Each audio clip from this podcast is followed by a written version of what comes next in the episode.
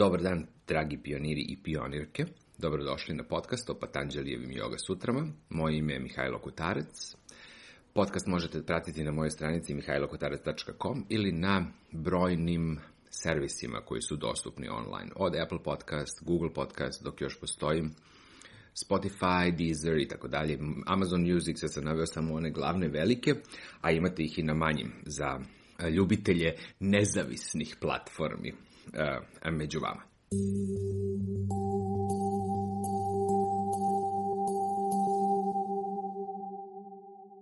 Danas se bavimo pitanjima i odgovorima koji su umeđu vremenu došli. Stiglo je ukupno 13 pitanja koja se mogu organizovati u tri veće celine. Da ne odgovaram svaki put na um, jedno te isto pitanje, pokušat ću tako pitanje da grupišem u celine, jer jednostavno neka se manje ili više e, ponavljaju, odnosno drugačije su formulisana, a u suštini se svodi na isto. Pardon, u dve grupe sam ih.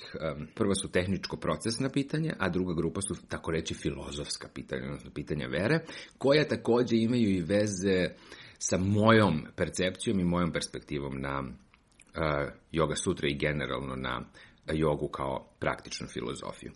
Da um, olakšam sebi, a i vama, počet ćemo prvo sa tehničkim pitanjima. Prvo tehničko pitanje, rekapitulacije, da ili ne. Je Daniela, slušateljka, je rekla ne moram tako da, da, da se uživljavam i da pravim te rekapitulacije kroz svaku, da malo oladim sa rekapitulacijama u svakoj epizodi i potpuno je u pravu. Sa druge strane, Marko je rekao, a hoće li biti rekapitulacije u vezi sa bla bla bla? Neko srednje rešenje, bi bilo, odnosno će biti, neću više raditi pred svaku um, epizodu rekapitulacija. Besmisleno je, uzima mnogo vremena i ponavljam ono što sam rekao manje više. Ako vam je do toga, moj predlog je i generalno molim vas, ako sad slušate ovo, ako je ovo prva epizoda koju slušate, vratite se na početak, počnite od uvoda, odnosno od dobrodošlice i uvoda i onda nastavite dalje jer se suk, sutra sukcesivno nastavljaju jedna na drugu.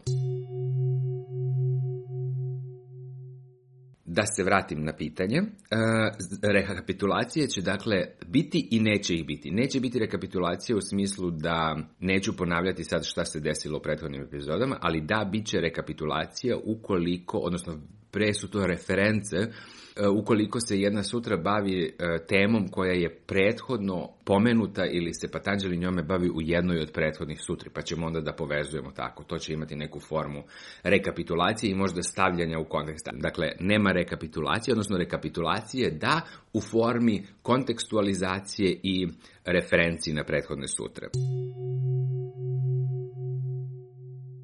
Drugo tehničko pitanje je bilo pitanje prevoda. Dakle, ja sam već na samom startu rekao, ovo nije klasičan prevod, ovo je moja interpretacija Yoga Sutri. Prevodeći, odnosno, bave, opet prevodeći, baveći se Yoga Sutrama koristio nemačke engles, i engleske izvornike i naravno srpsko-hrvatski jezik. Veliki broj nemačkih i e, engleskih izvornika, odnosno lit, izvora literature, takođe imaju i prateći tekst na sanskritu sa sve transkripcijom kako se šta iz, izgovara na ta sanskritu. I to sam koristio. Znači, onog trenutka kad mi nije bilo jasno, kada nisam do, mogao da dođem do svrsishodnog ili zadovoljavajućeg rešenja za neku sutru, uvek sam konsultovao sanskritske rečnike, kojih ima online. I to univerzitet u Kelnu ima sanskritsko-engleski, odnosno englesko-sanskritski, sanskritsko-nemački, nemačko-sanskritski i francusko-sanskritski, odnosno odnosno sanskritsko-francuski rečnik, čak ima i mm, sanskritsko-latinski, pardon, mislim nije da sam sad nešto se ubio koristeći sanskritsko-latinski rečnik, ali tek da znate da ima. Osim toga, online su dostupni takozvani specijalizovani rečnici koji se bave posebnim delovima literature koja je u vezi sa sanskritom i hinduizmom i tako dalje. Adresa je sanskrit minus leksikon sa x i sa c, dakle l e x i c o n tačka uni-koeln.d za one koji su se koji se razumeju u nemački jezik, da tako kažem, da se sanskrit minus leksikon punkt uni minus Zanimljiva stvar je, na primjer, kad budete uneli reč yoga, vidjet ćete koliko unosa ima. Strašno puno unosa ima za reč yoga. I neću da kažem da su diametralno različiti, ali je spektar značenja reči ogroman. Isto važi i za brojne druge reči koje se koriste u yoga sutrama. Dakle, ima puno i do interpretacije. To bi bilo to što se tiče tehničkih pitanja. sad prelazimo na filozofska i lična pitanja. Mogu bih da ih razdvojim, ali nema razloga da ih razdvojam jer su uglavnom pitanja filozofska i kako ja posmatram te neke stvari, odnosno ta neka pitanja koja su došla. Tu ih je bilo ukupno 10 i mogu i u ovih 10 da se grupišu u tri veća pitanja.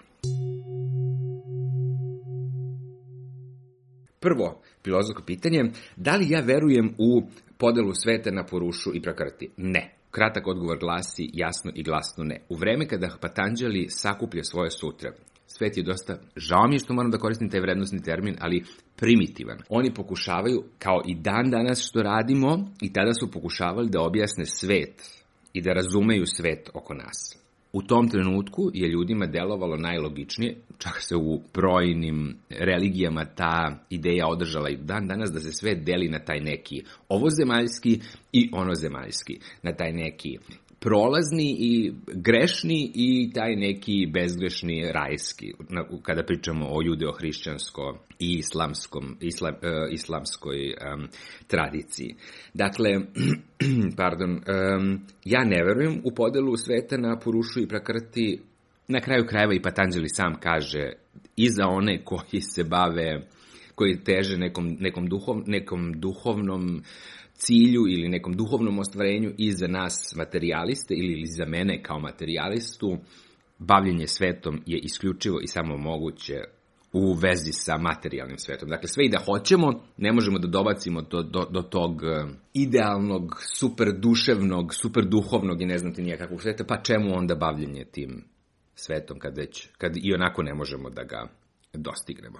Još jedno pitanje je bilo u vezi sa Purušom i Prakrti koje glasi da li zaista postoje materijalni i nematerijalni svet. Kao što rekoh, ja ne verujem da postoji nematerijalni svet, mislim da, ne, da toliko malo da ne, toliko nedovoljno i malo znamo o materijalnom svetu da nam je još jedan dodatni kojem bi trebalo da se bavimo potpuno suvišan jedna stvar druga stvar podela na materijalni i nematerijalni svet je model koji ljudi tog vremena koriste da bi objasnili realnost. To je naša ljudska potreba da simplifikujemo stvari oko nas i da objašnjavamo realnost da bi se lakše kretali kroz život. Drugo pitanje e, ovde su tri pitanja čak bila u vezi sa jednim terminom koji se pominje, odnosno sa jednim principom koji se pominje, a to je princip nevezivanja pitalo me je troje ljudi da li to znači da treba da dignemo ruke od života, u suštini da parafraziram. Nisu me tako pitali, ali manje više se svodi pitanje na to da li treba od života dići ruke i čekati da padne plafon na glavu i ono, lezi lebe da te jedem. Naravno da ne. Nevezivanje se više bavi našom reaktivnošću na okolnosti. Drugim rečima, nema razloga da se raspadnemo u delove svaki put kad nam se desi nešto tužno ili nešto što nam ne prija, kao što nema razloga ni da eksplodiramo od sreće kad nam se desi nešto lepo. To ne znači da će naš život biti manje kvalitetan ili da će biti više kvalitetan. Jednostavno, aj malo da oladimo drugim rečima i da mm, to nevezivanje interpretiramo kao neko, budisti bi rekli, nek, neki srednji put. Bar ja tako razumem nevezivanje. Verovatno će drugi ljudi razumeti drugačije. Ali vi ste sad ovde na ovom podcastu, pa to vam je što vam je. Thank you Treće pitanje, filozofsko, da li ja praktikujem e, sve što Patanđali kaže? Naravno da ne, aman, ljudi, pa ovo je 20, 2023. godina, trenutno je mesec, početak meseca oktobra. E, naravno da ne praktikujem sve što Patanđali kaže. On skuplja, Patanđali je skupljao is, ove iskaze iz spisa i mudrosti koje su našt, nastale, verovatno, odnosno su skupljale hiljadama godina unazad. Mislim, ja sam čovek savremenog sveta, živim u skladu sa mojim verovanjem da je naša dobrota evolutivno uslovljena i da jednostavno jedini način da preživimo i da prosperiramo je da budemo dobri jedni prema drugima. Što ne znači da treba da drugima dozvolimo da nam sednu na glavu. drugovi i drugarice, mislim da je to to za ovo javljanje. Hvala vam puno što ste tu. Sledeća epizoda, ponovo se vraćamo sutrama. Hvala vam što šaljete pitanja, hvala vam što šaljete komentare najvažniji i najbitniji deo svega ovoga što ja ovde pričam su zapravo ti komentari i taj feedback koji ja dobijam od vas. Ostajte zdravi, ostajte veseli i nemojte da se vezujete. Uzdravlje, čao.